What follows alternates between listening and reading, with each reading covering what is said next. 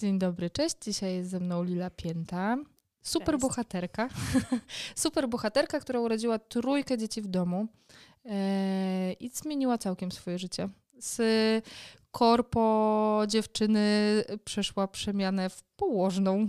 Także zaskakujący zwrot akcji i między innymi ze względu na ten zwrot akcji bardzo chciałam z Lilą pogadać, ale najważniejsze dla mnie są te trzy domowe porody, które są kompletną magią. Lila o tym nie wie, ale to dzięki Lili się nakręciłam na porody domowe. O, I wcześniej się bardzo. wcześniej w ogóle o tym nie myślałam. W każdym razie, cześć Lila. Cześć. Cześć. Nie wiem, nie wiem, czy to jest, wiesz, ta, takie bohaterstwo, aż wielkie urodzić w domu, e, ale e, czasem mam wrażenie, że wielkim, większym bohaterstwem jest urodzić w szpitalu niż w domu. E, Natomiast tak, troje dzieci urodziłam w domu i trochę przeszłam przemianę, która nie wiem jeszcze jak się zakończy, bo jestem cały czas in progress, położna in progress. E, Zobaczymy. Jakby samym bohaterstwem jest w ogóle urodzić trójkę dzieci. I to, To już jest w prawda. ogóle giga wysiłek. I to, że masz trójkę małych dzieci, e, bo Kuba ma 4,5 roku. Czyli Prawie jest pięć prawie już teraz pięć. będziemy. Mam Tak. prawie pięć. Jasiek jest ze 3 miesiące starszy od Danieli, czyli 2,5. Dwa i Rudka, która ma 3 miesiące, 4? Cztery. Cztery. I leży tu koło nas. tak. Cztery, a właśnie, jakbyście słyszeli dziwne dźwięki, to jesteśmy e, przyjaźni mamom z małymi dziećmi, więc jest z nami Rudka, która ma Całe 4 szczęście. miesiące i dźwięczy. No dobra, Lila, powiedz mi, jak to, jest, jak to było, bo jak zeszłaś w ciążę, to na którym etapie stwierdziłaś, że rodzisz w domu i dlaczego w ogóle chciałaś rodzić w domu, a nie jak cywilizowany człowiek w szpitalu pod opieką właśnie, nie? Jakieś wybrałam jakieś No. średniowiecze i rodzenie w domu. Wiesz co, ja wiedziałam, y, chyba zanim byłam w ogóle w ciąży, że ja chcę rodzić w domu. Y, to znaczy ja w ogóle... Temat porodów domowych znałam przez to, że moja bardzo dobra koleżanka była dulą i ona mi opowiadała, że w ogóle jest coś takiego jak poród w domu. Kiedy ja w ogóle byłam na etapie, że nie miałam męża, nie miałam chłopaka, y, nic, nic się tam nie działo u mnie takiego, co zwiastywałoby w ogóle, że będę mieć dzieci. Ale wtedy jakby dowiedziałam się, że w ogóle są porody domowe i postanowiłam, że jak kiedyś będę rodzić, to będę rodzić w domu. Kiedy poznałam mojego męża później, e, no wiele lat później, w zasadzie 10 lat później, e, i zaczęliśmy rozmawiać o tym, że chcielibyśmy mieć dzieci, to najlepiej trójkę, czwórkę bądź piątkę, albo nawet więcej, kto wie. E, Szalona. To dokładnie. E, To wspomniałam tak nieśmiało, że jest coś takiego jak poród w domu i może byśmy urodzili w domu. I o dziwo, mój mąż bardzo entuzjastycznie do tego podszedł. E, Był bardzo zaciekawiony tym tematem, jak to można urodzić w domu, a nie w szpitalu, ale mm, to jest taką otwartą głową e, do tego podszedł. I Zaczęliśmy się tym jakoś wspólnie interesować. Znaczy, no wiadomo, nie, dopóki nie byłam w ciąży, no to tak e, czysto teoretycznie, a później jak byłam w ciąży, e, to znaleźliśmy już położną, która przyjmuje porody domowe i jakby oboje się w, to, w ten temat wkręciliśmy. Okej, a czy szukałaś w jakiś specjalny sposób położnej do porodu domowego? Czy to jest tak, że idę i mówię, cześć, chcę urodzić w domu i dostaję? Mhm, to znaczy ja wtedy y, pamiętam, że zaczęłam szukać tego oczywiście w internecie na początku, bo nie znałam nikogo w Warszawie, bo ja w ogóle pochodzę z, z Krakowa, więc y, jakby ten warszawski rynek położnych w ogóle mi nie był znany. Y, I zaczęłam szukać w internecie, jakie w Warszawie są położne przyjmujące porody w domu i trafiłam na stronę y, Stowarzyszenia Dobrze Urodzeni i zobaczyłam, że rzeczywiście jest tam cztery bądź pięć w tamtym czasie położnych, które y, jeździły do porodów domowych. Zaczęłam o nich czytać, bo wiedziałam, że jednak no, każda położna to jest, to jest człowiek ze swoim charakterem, osobowością i fajnie, żeby się też y, dobrze dogadać w tym porodzie z położną, żeby poczuć jakąś chemię z nią. E, więc wiedziałam, że to nie może być taki wybór położnej e, czy- czysto przypadkowy m, po nazwisku, tylko zaczęłam o tych położnych czytać i na grupie porodów domowych na Facebooku i e, gdzieś tam jakieś opisy tych położnych czytałam na stronie stowarzyszenia. E, oglądałam zdjęcia z tych porodów, przy których one były, też głównie właśnie na Facebooku. E, I postanowiłam napisać do e, Marii Romanowskiej. To jest Mhm. taka położna, doświadczona, ponad 20 lat przyjmuje porody, w tym chyba z 15 lat porody w domu. Sama urodziła zresztą swoją córkę w domu. Jej córka również urodziła swoje dziecko w domu, więc wiedziałam, to jest że to rekomendacja. tak, wiedziałam, że to nie jest e, tak, że, znaczy, że ona rzeczywiście wierzy w to, że te porody domowe to jest, to jest taki e, dobry początek dla dziecka.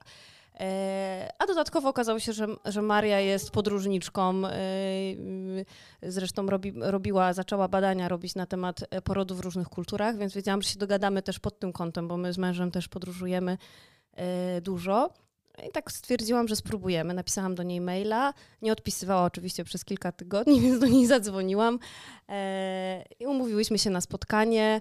E, ona mnie wstępnie już zapisała na ten termin mojego porodu. To był termin około świąteczny, więc od razu zaznaczyła, że nie wie, czy będzie mogła przyjechać, bo jeżeli termin wypadnie, kiedy ona ma dyżur, no to będzie problem.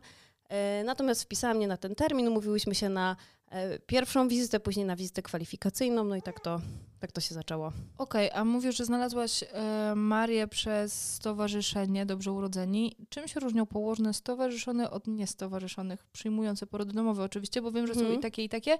I przyznam, że nie mam tego pojęcia, co to robi za różnicę tak naprawdę. Y, to pierwsza rzecz to, to też, o czym mówiłaś w pierwszym podcaście, że położna to jest zawód samodzielny, więc każda położna, która ma prawo wykonywania zawodu, y, może przyjmować porody, czy to w szpitalu, czy w domu, czy w domu narodzin, y, może prowadzić ciążę. Jest to zawód samodzielny. Natomiast Stowarzyszenie Dobrze Urodzeni powstało po to, żeby w pewien sposób sformalizować pracę położnych domowych i jakby pomóc im troszkę w tym i w prowadzeniu ciąży, i w przyjmowaniu porodów domowych. One mają swój regulamin wewnętrzny, e, mają swoje zasady kwalifikacji kobiet do porodu domowego, takie dość ostre powiedziałabym zasady, czyli ta ciąża naprawdę musi być fizjologiczna, nie może być w niej e, żadnej takiej sytuacji, która mogłaby potencjalnie wpłynąć na przebieg tego porodu negatywnie oczywiście w domu. E, więc one e, tak się w pewien sposób też zabezpieczają i swoje bezpieczeństwo jako położnych i swoją odpowiedzialność, ale też bezpieczeństwo rodzących, prawda? I dziecka. Okej, okay, a przy okazji przez to, że to jest kolektyw położnych tak, tak naprawdę, to mają zbiór doświadczeń, który jest dużo większy Dokładnie, niż każdej tak. jednej położnej oddzielnie. Czyli trochę większy poziom bezpieczeństwa możemy tak. czuć przy podjęciu współpracy z położną stowarzyszoną. Tak, pewnie to zależy dużo od kobiety tej ciężarnej, prawda, rodzącej, czy ona się będzie bardziej bezpiecznie czuła właśnie ze względu na to, że te położne e, mają bardziej restrykcyjne warunki, jeśli chodzi o poród domowy, natomiast rzeczywiście tak jest. E, dodatkowo dla mnie plusem było to, że te położne działają w takiej grupie. Cztery, e, było cztery bądź pięć, już nie pamiętam. Jeżeli moja położna nie mogłaby przyjechać, bo nie wiem, byłaby chora, miałaby dyżur, to ona szuka zastępstwa. I jakby ja się też czułam dzięki temu trochę zabezpieczona na taki wypadek, że e, rzeczywiście moja położna nie może do mnie przyjechać, ale wiem, że wtedy ona zrobi wszystko, żeby znaleźć zastępstwo za siebie. Y, co w przypadku takich położnych, które y, pracują samodzielnie, nie są stowarzyszone w Stowarzyszeniu Dobrze Urodzeniu, Urodzeni, y, może być trudniejsze, bo one często po prostu wzywają tylko jedną położną do asysty i kiedy one nie mogą jechać, to wysyłają swoje rodzące do szpitala bardzo często, bo po prostu nie, nie mają nikogo na zastępstwo. Więc ja tutaj pod tym względem czułam się zabezpieczona. I jakby to jest główna różnica e, pomiędzy położnymi ze stowarzyszenia i tymi, które są niezrzeszone, e, że właśnie tych niezrzeszonych nie obowiązuje ten statut, prawda, stowarzyszenia, no plus jakby nie działają w tej swojej grupie. One mogą też stworzyć oczywiście inne swoje zespoły, to też tak działa. Wiem, że we Wrocławiu są takie zespoły położnych. natomiast one wtedy rzeczywiście nie podlegają temu stowarzyszeniu i temu, tym zasadom kwalifikacji i przyjmowania porodów takie, jakie jest w stowarzyszeniu. No dobra, wybrałaś położną. E, wybrałaś położną stowarzyszoną, więc czułaś, że, że raczej ten poród będzie w domu. Czy jakoś specjalnie się przygotowywałaś do tego, że on jest w domu, a jakby przez to, że on ma być w domu, a nie w szpitalu? E, no właśnie powiem szczerze, że jakoś nie, niespecjalnie, to znaczy nie, nie myślałam o tym w takiej kategorii, bo dla mnie nie miałam porównania, prawda? Nie wiedziałam, jak to jest rodzić w szpitalu. E, dla mnie jakby ten poród w domu to było coś zupełnie naturalnego. W sensie jakby ten wybór tego porodu w domu to, był, to było coś tak, tak oczywistego i naturalnego, że jakby nie miałam takiej nawet potrzeby, żeby się jakoś bardzo e, specjalnie przygotować.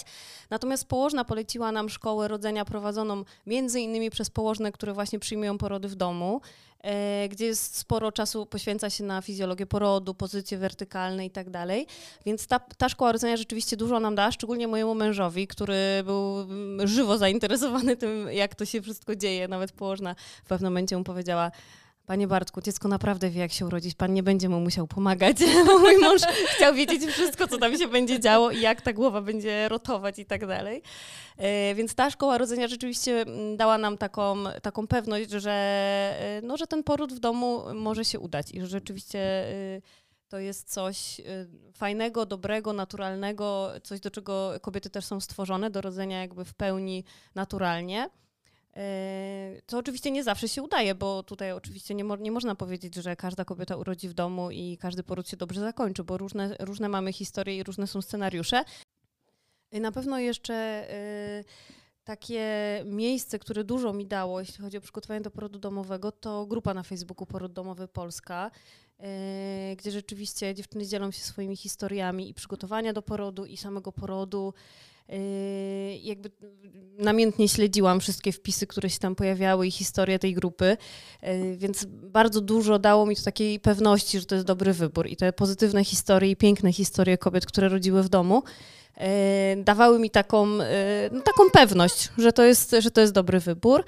E, no i w pierwszej ciąży jeszcze rzeczywiście, nie mając dzieci na stanie, miałam dużo czasu, żeby czytać literaturę, więc e, wszystkie książki Iny Majgaskin, czyli takiej e, amerykańskiej położnej właśnie, która specjalizuje się w porodach domowych, czy naszej polskiej Ireny Hołuj. Udało mi się przeczytać i też te książki dały mi dużą taką teoretyczną podstawę, jeśli chodzi o poród. Okej, jesteśmy do tego stworzone, ale mówię, że w porodzie domowym potrzebna jest trochę większa świadomość. Tylko widzisz, bo ja mam z tym kłopot, bo jak rodzę po raz pierwszy, to ja tej świadomości nie mam. W sensie mogę znać teoretycznie fizjologi fizjologię porodu i wiedzieć więcej mm. niż wie przeciętnie rodząca, ale mam w sobie gdzieś tam taką obawę, mm, albo inaczej. Myślę, że w sobie miałam tę obawę przed pierwszym porodem bardzo silną, że ja nie wiem, kiedy ja zaczęłam rodzić wcale, nie? I że to wcale, jak mi nie odejdą wody, tylko zaczną się skurczyć, to nie będę wiedziała, kiedy tę położną wezwać do siebie, nie? I co wtedy? W sensie, jak to działa w poradzie domowym? Co, tak, co, co jest innego niż w tym, kiedy ja podejmuję decyzję, że jadę do szpitala? Mhm, to znaczy, tu jest chyba trochę nawet łatwiej w porodzie domowym, bo ja byłam mówiona z moją położną, że w momencie, kiedy zacznę czuć skurcze, i to będą skurcze, które już będą w miarę regularne, nawet jeżeli będą co 15 minut, ale będą się powtarzać na przykład przez kilka takich skurczy się powtórzy, 4, 5, 10, to ja do niej dzwonię i sobie rozmawiamy. I ona mnie pyta, jak ja te skurcze czuję, jak ja się w ogóle czuję, coś, czy to są jakieś inne skurcze niż te, które czułam w ostatnich tygodniach, e, jaki jest ten ból, jak, e, jak ja go doświadczam. I ona na tej podstawie tej rozmowy też y, widzi, czy to, jest, czy to się zaczyna poród, czy się nie zaczyna.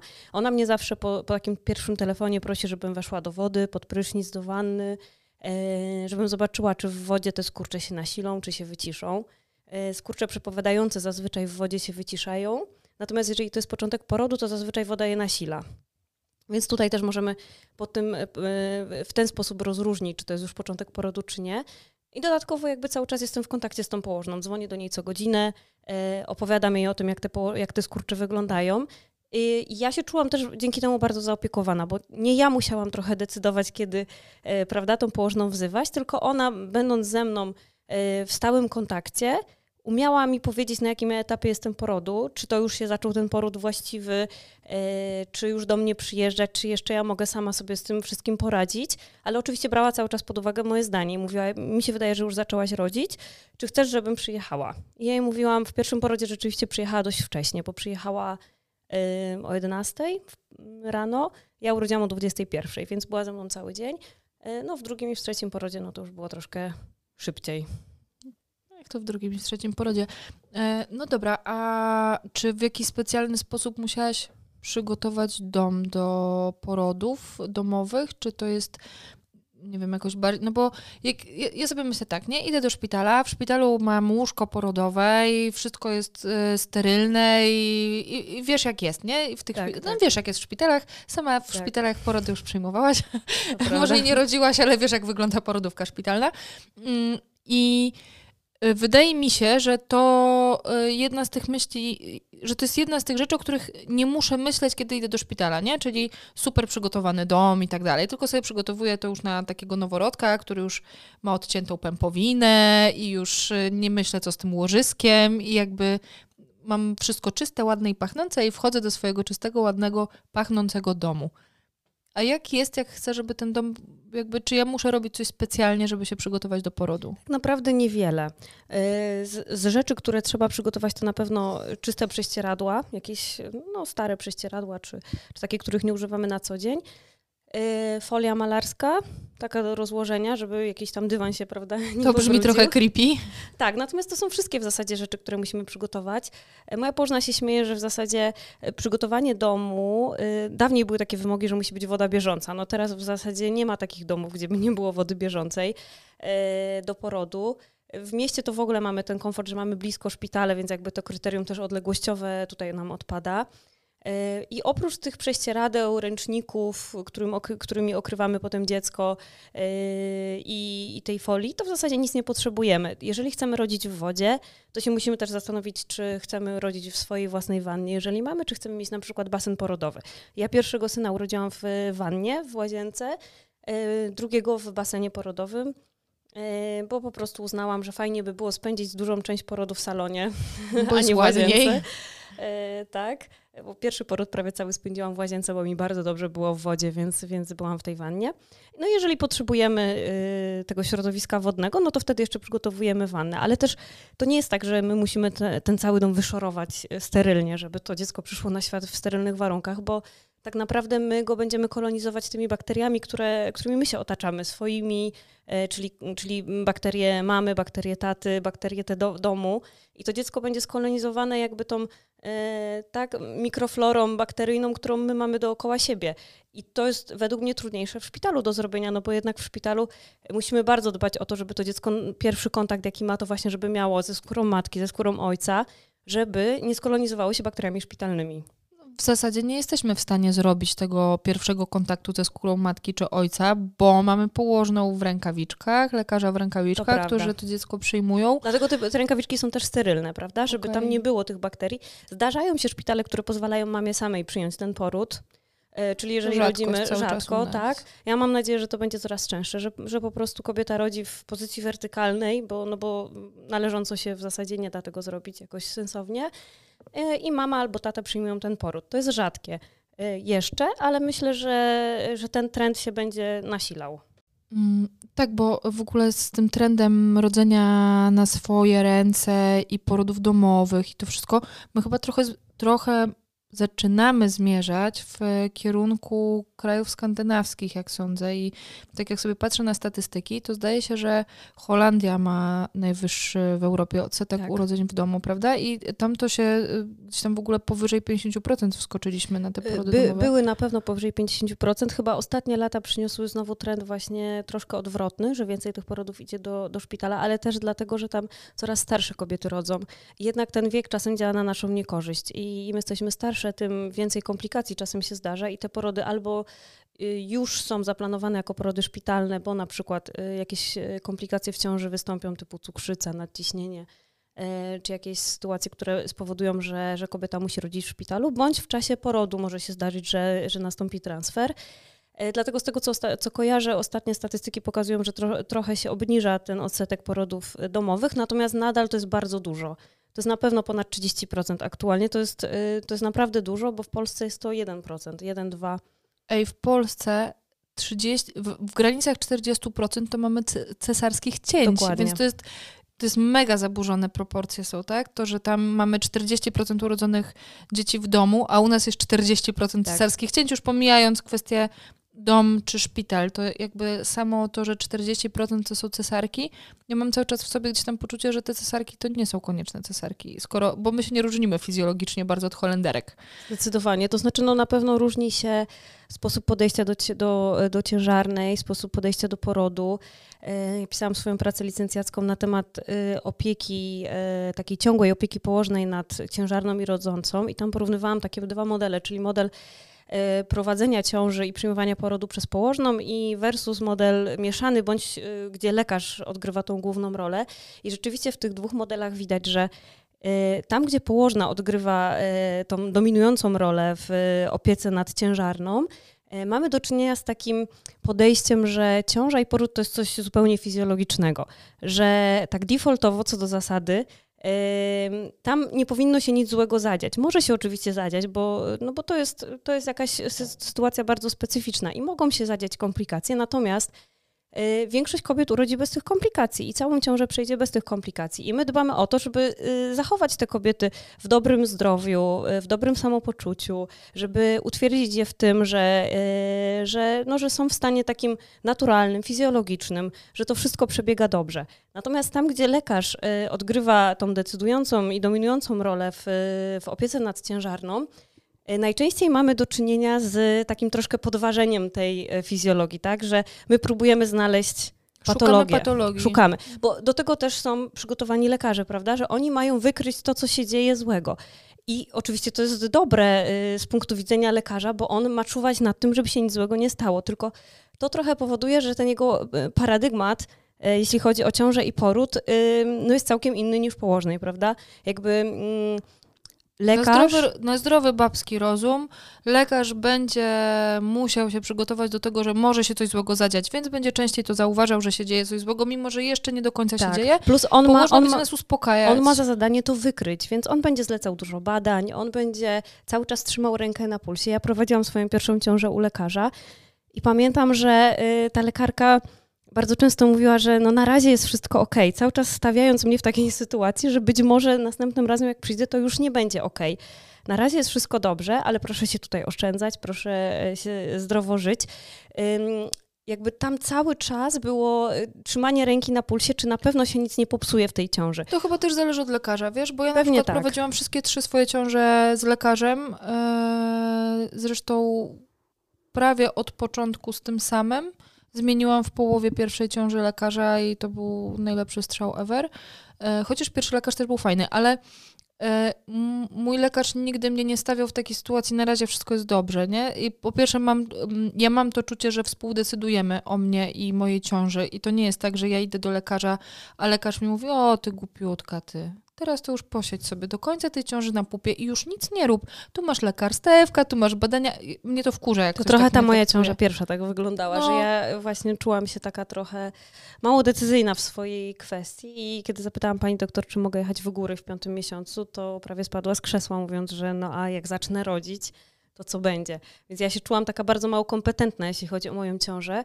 E, ale właśnie cieszę się, że w ogóle są tacy lekarze, którzy trochę zmieniają to, to podejście i to jest ważne, bo w Polsce jednak miażdżącą przewagę ciąż prowadzą lekarze nadal, mimo że położne również mogą ciąże prowadzić. Natomiast jakby ten model jest bardzo mało popularny jest bardzo popularny w Holandii, w Wielkiej Brytanii, że fizjologiczne ciąże niepowikłane prowadzą położne i tam rzeczywiście troszkę inaczej się do tej ciąży podchodzi. Mało kobiet y, jest na zwolnieniach lekarskich, większość z nich pracuje, one są aktywne, aktywne fizycznie, aktywne życiowo.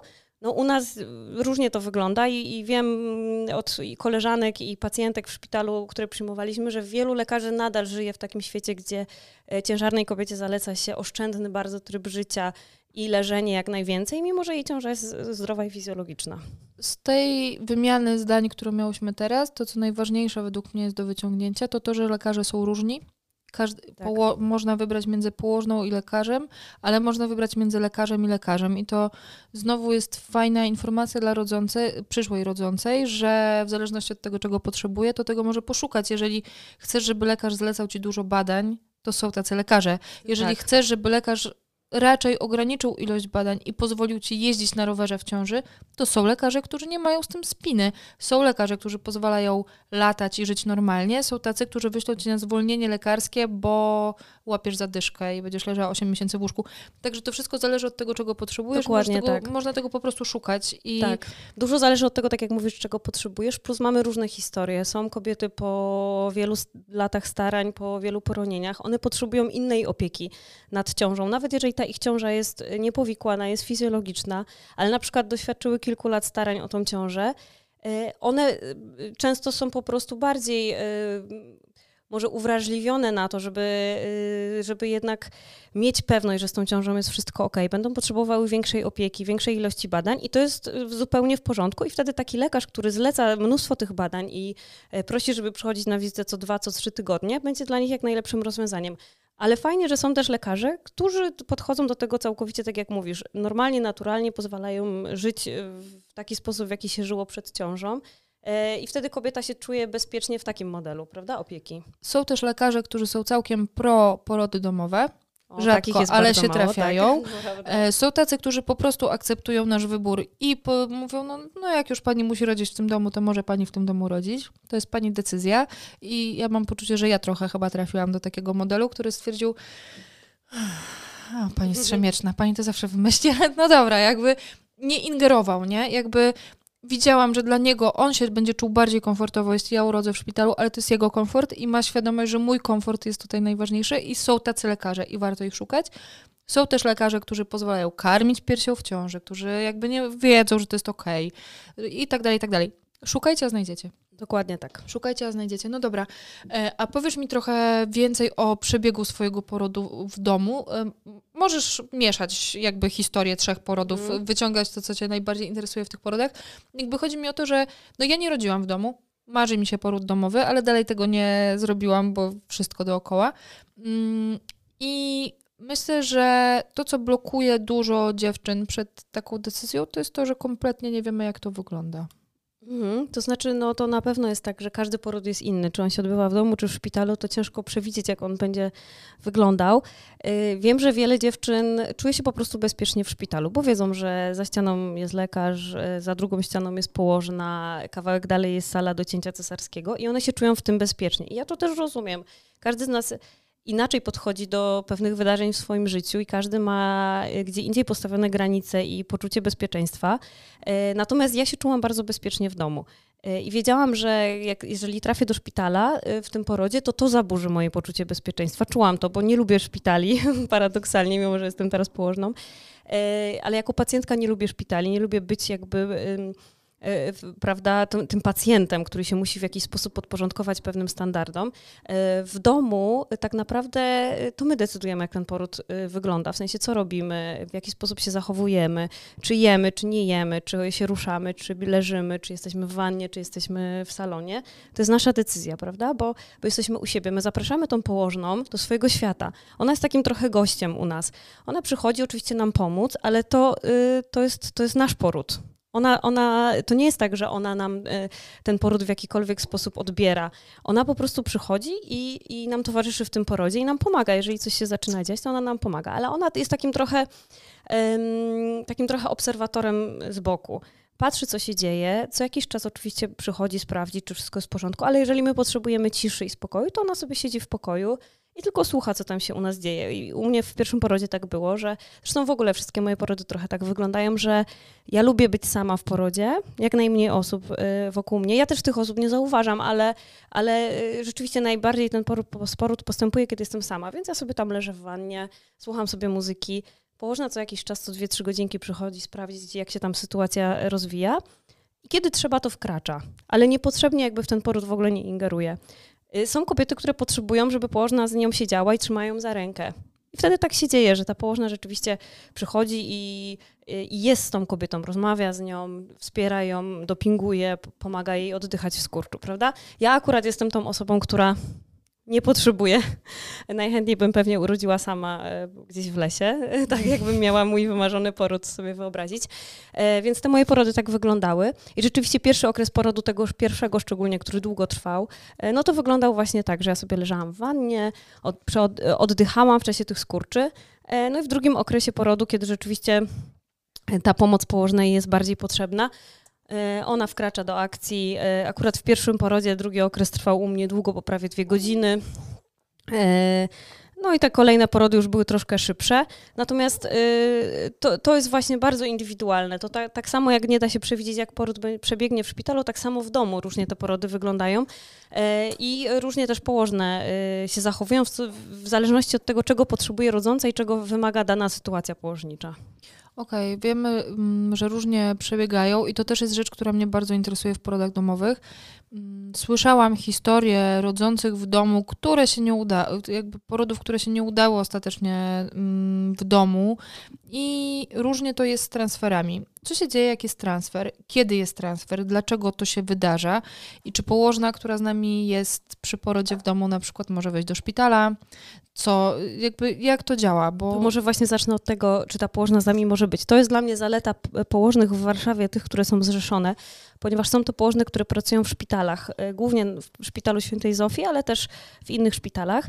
I one podczas transferu mają taką umowę ze szpitalem, że one przyjeżdżają z tą rodzącą i kończą ten poród w szpitalu ale one są tą położną, które, te, która te, ten poród przyjmuje. Dla mnie to był duży komfort, bo ja wiedziałam, że w razie transferu, nie oczywiście takiego nagłego z zagrożeniem życia, ale takiego transferu, gdzie mamy czas, jedziemy do szpitala świętej Zofii, moja położna wchodzi ze mną i ona ze mną kontynuuje ten poród. I ja nie muszę się tłumaczyć, dlaczego rodziłam w domu i co to w ogóle jest za wymysł, bo ta położna wszystko, e, tak, wszystko, wszystkie formalności załatwia przy wejściu do szpitala. E, obsada medyczna zna tą położną, wie kto to jest. Położna wchodzi i kończymy ten poród w szpitalu. Y, no, trudniejsza sprawa jest, kiedy transfer mamy nagły, czyli na przykład zaczyna się odklejać łożysko i y, no nie wiem, zaczyna kobieta krwawić, albo y, bardzo nam spada tętno dziecka, tak, i ono nie wraca do, do prawidłowego poziomu i musimy jak najszybciej się pojawić w szpitalu, żeby ten poród skończyć zabiegowo bądź cięciem cesarskim. Wtedy jedziemy do najbliższego szpitala, no i wtedy ta sytuacja jest czasem bardziej skomplikowana, tak, bo no wiele szpitali jest jednak nieprzyjaznych porodom domowym i możemy usłyszeć wiele nieprzyjemnych przyjemnych słów, mhm. jeśli o to chodzi. E, natomiast te transfery, które odbywają się w taki spokojny sposób, czyli swoim samochodem, nie karetką, e, najczęściej wy, wy, wynikają z braku postępu porodu, czyli ten poród już trwa, trwa bardzo długo. E, położna co jakiś czas sprawdza, jak nam sytuacja się rozwija i na przykład to rozwarcie nie postępuje. Kobieta już jest bardzo zmęczona i decydują wspólnie położna z, z rodzącą, że jadą do szpitala, żeby ten poród w jakiś sposób ukończyć, bądź podaniem sztucznej oksytocyny, bądź zabiegowo, jak, jak trzeba będzie e, dlatego że ten poród po prostu nie postępuje. Z jakiegoś powodu, różne są powody, dlaczego, dlaczego poród nie postępuje. I jakby ten, ten, wtedy ten transfer jest taki spokojny, tak? Jedziemy swoim samochodem, jedziemy do wybranego przez siebie szpitala. Czasami też transfery są konieczne po porodzie, bo na przykład y, nie chce się urodzić łożysko pomimo y, oczekiwania i podania sztucznej oksytocyny, y, albo wystąpi krwotok, jakieś nadmierne krwawienie, albo coś z dzieckiem jest nie tak, tak? Ma jakąś niską saturację. Więc różne są sytuacje i w zależności od tego, jaka jest sytuacja położnicza, to położna decyduje, czy ten transfer musi być e, bardzo szybki karetką, czy może być swoim samochodem, bo, bo mamy na to czas. Okej, okay, wiesz co, bo ja słyszałam historie mm, różne, ale słyszałam też historię o tym, jak położne podjeżdżają z rodzącą pod szpital i nawet z nią nie wchodzą na izbę, tylko zawracają jakby no trochę ta rodząca jest porzucona pod tym szpitalem i zostawiona w takim ogniu pytań y, medycznych już jak wchodzi. I zastanawiam się na ile jest to częste, jak, jak możemy zapobiec takiej sytuacji, czy możemy, czy jakby to jest naturalna, normalna konsekwencja transferu, że ta położna nie wchodzi i muszę się na to przygotować, czy jestem w stanie zrobić tak, żeby jeżeli ten transfer jest spokojny, a nie karetką, bo, bo jakby odejdźmy od tych transferów karetkowych, E, zakładamy, że mamy transfer swoim samochodem. Ta położna teoretycznie może w jakimś tam stopniu mm, współtowarzyszyć nam w tym transferze. I teraz czy ja mogę zrobić coś, żeby ta położna realnie ze mną weszła do szpitala i jakoś się zabezpieczyć? Bo już jakby mamy jedną odpowiedź, że jak znajdę położną ze Stowarzyszenia Dobrze Urodzeni, to one mają podpisane umowy ze szpitalami i tu mam spokój. A... Mm, tak, może to być też położna niezrzeszona, y, ale pracująca w danym szpitalu i jeżeli będziemy wiedzieć y, po, po rozmowie z nią, że w razie transferu szpital zgadza się, żeby to ona kończyła ten poród y, w szpitalu, to też jakby jesteśmy na, ten, na tą sytuację zabezpieczone. My w Warszawie mamy ten komfort, że mamy wiele położnych pracujących i w szpitalu, i nie pracujących w szpitalu. Mamy duży wybór. Możemy wybrać właśnie położne pracujące na Madalińskiego i położne pracujące na Żelaznej i są położne przyjmujące porody w domu, które pracują na Inflanckiej. No jakby różne mamy tutaj opcje. Są miasta, gdzie niestety takich opcji nie ma, bo na przykład położne domowe nie pracują w żadnym szpitalu i wtedy taka położna nie może na pewno dokończyć y, z nami tego porodu jako położna przyjmująca poród, ale może na przykład z nami wejść jako osoba towarzysząca, jeżeli na przykład nie wejdzie z nami mąż y, czy partner, y, to wtedy ta położna, ale ona wtedy jest osobą towarzyszącą, a nie decyzyjną na temat tego porodu i przyjęcia tego porodu, tak? Więc Tutaj najlepszą formą zabezpieczenia jest po prostu wybranie takiej położnej, y, która da nam jakieś poczucie bezpieczeństwa. Jeżeli zależy nam na tym, żeby w razie transferu położna dokończyła z nami ten poród, no to wtedy wybieramy położną pracującą w szpitalu. Okej, okay, a czy jesteśmy w stanie na etapie omawiania umowy, bo z taką położną się oczywiście podpisuje umowę. Tak. E, porody domowe są porodami płatnymi, nierefundowanymi w naszym kraju, więc tak. też się trzeba na to przygotować. W dużych miastach jest to koszt około 5 tysięcy złotych ze wszystkim. Tak, e, no w zależności od położnych, y, położne ze stowarzyszenia mają stały cennik, położne niestowarzyszone mają jakby swoje cenniki, więc tutaj... No mniej więcej, tak, mniej więcej 4-5 tysięcy 4-5 tysięcy trzeba tak. liczyć, że musimy wydać na taki poród. Musimy również pamiętać o tym, że będziemy opłacać później neonatologa, który przychodzi do dziecka, pierwsze szczepienia i tak dalej, to wszystko się odbywa u nas. Więc... No, tak, neonatologa tak, szczepienia już mogą być w przychodni, mogą okay. być na NFZ, y, w POZ po prostu finansowane przez przez e, NFZ, okay. tak. E, no dobra, i teraz czy ja jestem na etapie podpisywania takiej umowy upoważniona do tego, żeby powiedzieć położnej wiesz, fajnie, ale chciałabym, żebyśmy zawarły w umowie taką umowę, że jeżeli będziemy jechać do szpitala i nie będzie to transfer karetką, to chociaż wejdziesz ze mną na izbę przyjęć i poprowadzisz jakby rozmowę z personelem medycznym. Myślę, że wszystko zależy od położnej. Ja oczywiście y, umowy podpisywane przez położne ze Stowarzyszenia Dobrze Urodzeni są raczej takie E, ustandaryzowane. I tam jest e, taki zapis, który mówi o tym, co się dzieje w razie transferu. Do jakiego szpitala jedziemy w razie transferu takiego planowanego, nie nagłego, bo nagły transfer to do najbliższego. Jeżeli jedziemy z transferem, na przykład z braku postępu porodu, to zawieramy to w umowie. Do jakiego szpitala jedziemy. Położna tam deklaruje, że o ile nie będzie żadnych przeciwwskazań, to ona z nami wchodzi i kończy z nami poród. Jeżeli na przykład y, położna ma dyżur w czasie, kiedy nasz poród się rozpocznie, to możemy zawrzeć taką klauzulę, że na przykład jedziemy do szpitala i z nią rodzimy na jej dyżurze, bądź na przykład w domu narodzin na Żelaznej, żeby ten poród był jak najbardziej zbliżony do porodu naturalnego, w momencie, kiedy położna na przykład nie mogłaby wyjść z tego dyżuru, bo nie znajdzie sobie zastępstwa. Ważne jest też, żebyśmy wybrały taki szpital w razie ewentualnego transferu, który jest przychylny porodom domowym. Nie jest to czasem łatwe. E, no w Warszawie jest kilka takich szpitali. E, wiem, że dziewczyny w innych miastach mają problem, szczególnie w małych miastach powiatowych.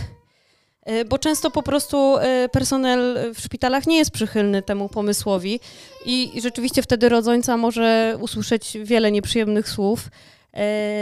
Położna zresztą też. Więc tutaj nie na wszystko mamy oczywiście wpływ. Jeżeli mamy wpływ na to, do jakiego szpitalu trafiamy z transferu, to oczywiście wybieramy szpital jak najbardziej przyjazny tej idei porodu domowego. No czasami nie mamy na to wpływu i tutaj już jakby nic z tym nie zrobimy.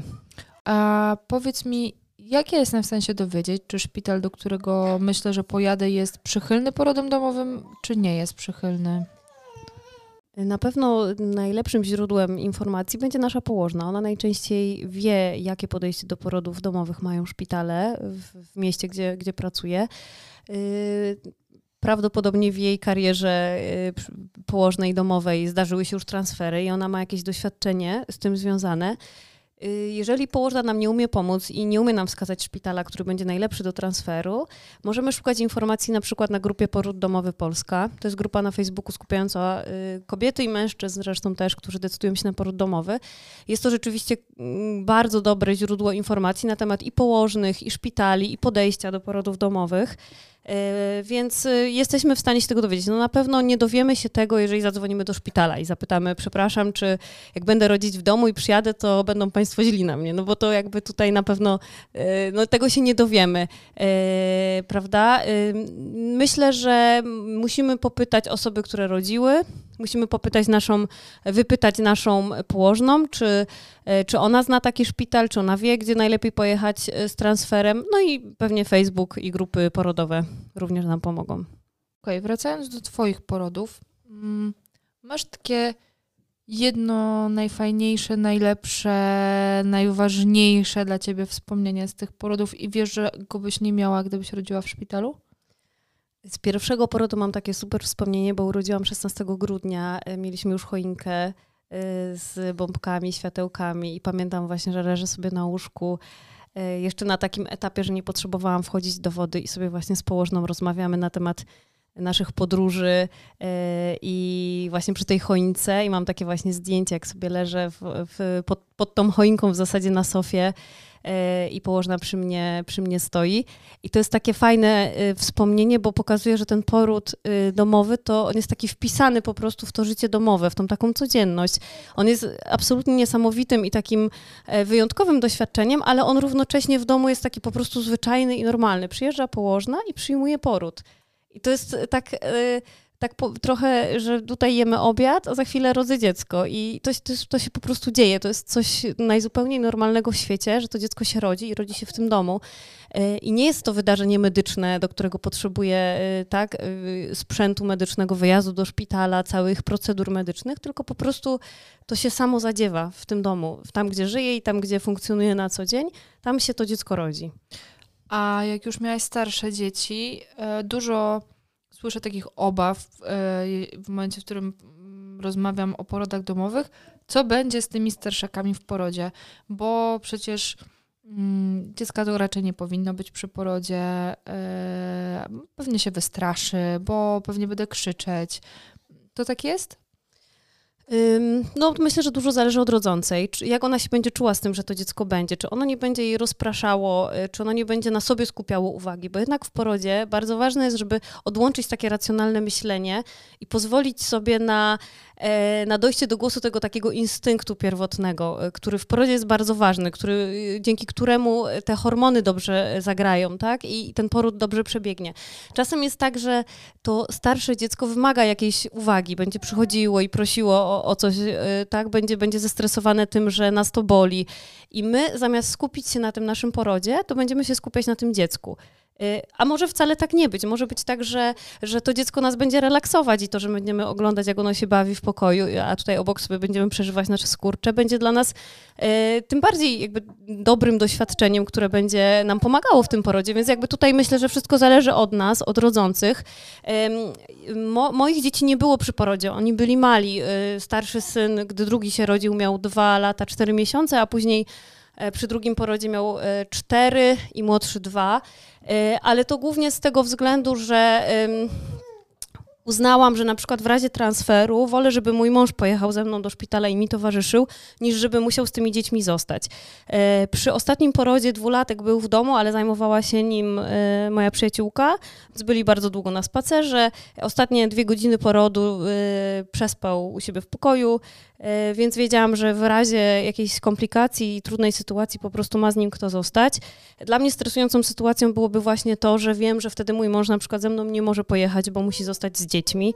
E, dlatego myślę, że opieka dla, dla tych dzieci e, jest ważna w czasie porodu, żeby po prostu kobiecie zapewnić pewien komfort taki psychiczny, że jeżeli coś się zdarzy, to, to te dzieci są zaopiekowane i ja również jestem zaopiekowana na przykład obecnością męża.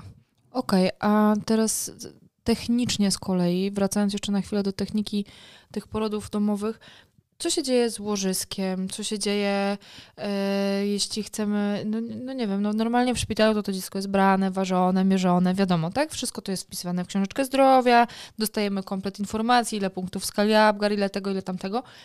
Czy w porodzie domowym wygląda to tak samo? Na pewno podobnie, natomiast tym wszystkim zajmuje się położna. Rodzimy dziecko, dostajemy go od razu oczywiście e, do kangurowania i tego kontaktu skóra do skóry minimum dwie godziny. U mnie w niektórych porodach trwało to trzy godziny, zależy e, od sytuacji akurat. E, I później położna, ona sobie w tym czasie wypełnia dokumenty, opisuje ten poród, bo oczywiście położna cały czas prowadzi dokumentację medyczną tego porodu. To nie jest tak, że w porodzie domowym jakby o tym porodzie nic nie wiemy. Dostajemy później kartę porodu domowego, gdzie jest opisany ten poród, wiemy dokładnie ile godzin, e, który okres porodu trwał, wiemy co się tam działo, jakie leki ewentualnie dostałyśmy. E, więc tym wszystkim zajmuje się położna po porodzie. Ona nas zostawia z dzieckiem, kontroluje oczywiście nasz stan, e, ale my mamy ten czas tak sam na sam z dzieckiem, z, z mężem, z, z kim tam chcemy, czy z dziećmi na przykład starszymi.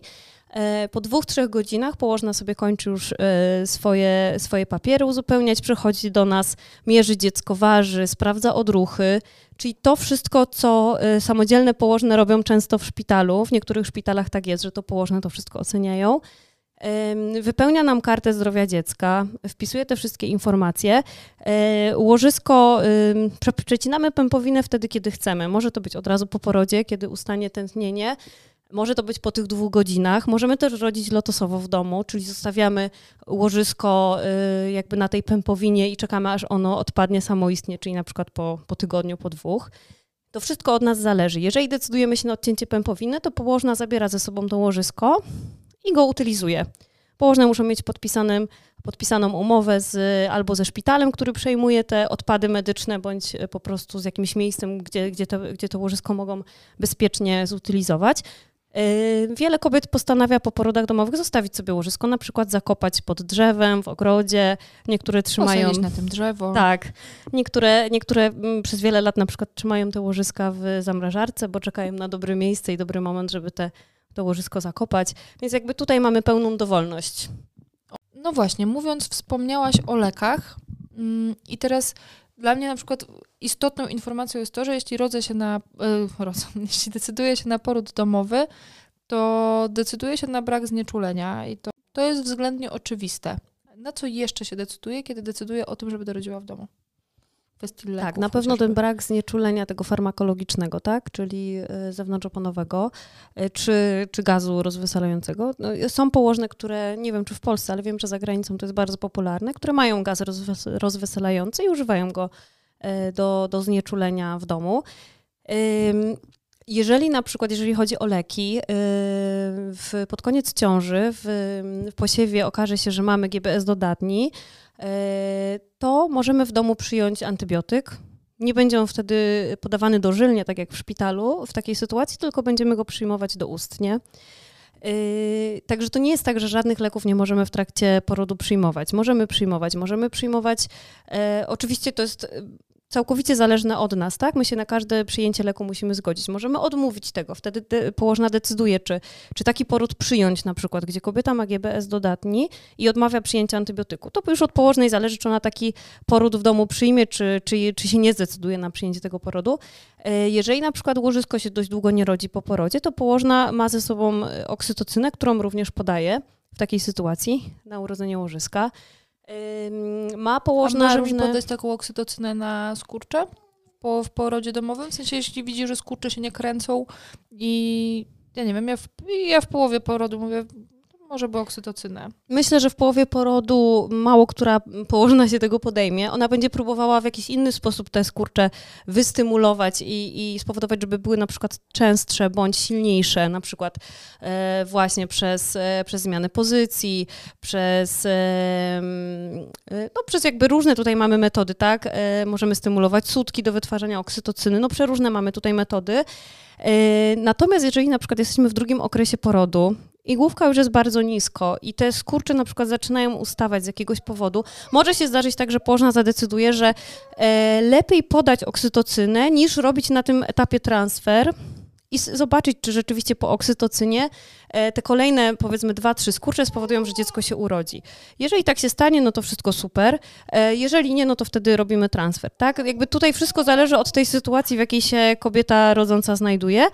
E, natomiast wiele położnych rzeczywiście stara się minimalizować e, leki, e, bo każdy lek to jednak jest w pewien sposób ingerencja medyczna w poród, a tutaj w porodzie domowym zależy nam na tym, żeby ten poród był jak najbardziej fizjologiczny i naturalny. W szpitalu w momencie, w którym rodzę, wchodzi mm, na samą końcówkę zazwyczaj wchodzi położnik, który jest i patrzy, czy wszystko jest ok i ewentualnie czeka na sygnał od położnej. No i pojawiają się pediatrzy, neonatolodzy, którzy natychmiast biorą i zaczynają sprawdzać dziecko, um, sprawdzać jego dobrostan. Co jest w domu? Jak... Właśnie, zacznę może od tego, że to nie jest e, rzecz, która się musi wydarzyć w szpitalu. To znaczy na drugi okres porodu nie musi przyjść położnik i nie musi też przyjść pediatra. Wiem, że w wielu szpitalach tak jest. Y, tak się dzieje bardzo często, bo takie są po prostu wewnętrzne procedury szpitalne. Natomiast standard opieki okołoporodowej mówi, że położna może przyjąć poród fizjologiczny y, zupełnie sama, tak, samodzielnie y, i może też to dziecko w pierwszym okresie tego wczesnego połogu, czyli tych pierwszych dwóch godzin skóra do skóry, ona zbadać to dziecko i ocenić i przydzielić punkty Apgar, tak? Więc są szpitale, gdzie tak to się odbywa, że lekarz położnik przychodzi tylko na wezwanie położnej, jeżeli coś się dzieje, y, a pediatra pojawia się dopiero po kilku godzinach bądź następnego dnia. I tak jest właśnie w porodzie domowym, że położna ocenia stan dziecka po porodzie, ocenia jego odruchy, ocenia, y, nadaje, daje y, tak, y, punktację Apgar i daje zalecenie, żeby do 24 godzin najlepiej pojawił się w domu lekarz neonatolog bądź pediatra na wizytę domową i osłuchał dziecko, bo to, czego położne najczęściej nie robią, to nie osłuchują, y, nie osłuchują serca dziecka. I jeżeli y, wezwiemy takiego lekarza, pediatry, neonatologa, to on będzie w stanie wys- wysłuchać, y, czy serce dziecka pracuje prawidłowo. Technicznie wydaje mi się, że wiemy już bardzo dużo o tym porodzie. Ja jeszcze to, na czym mi zależy, nawiązując do tytułu klasycznie, jak to jest urodzić w domu?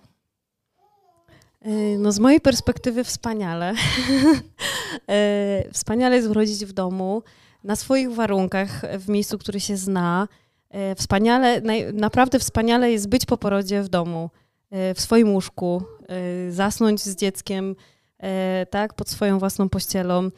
Y, Mój mąż mówi, że on sobie nie wyobraża trochę, że ja rodzę i on wychodzi po dwóch godzinach i on nie widzi tego dziecka i jakby, e, że jak to tak, jakby on ma być w domu sam bez dziecka, E, więc on jest wielkim fanem i orędownikiem porodów domowych.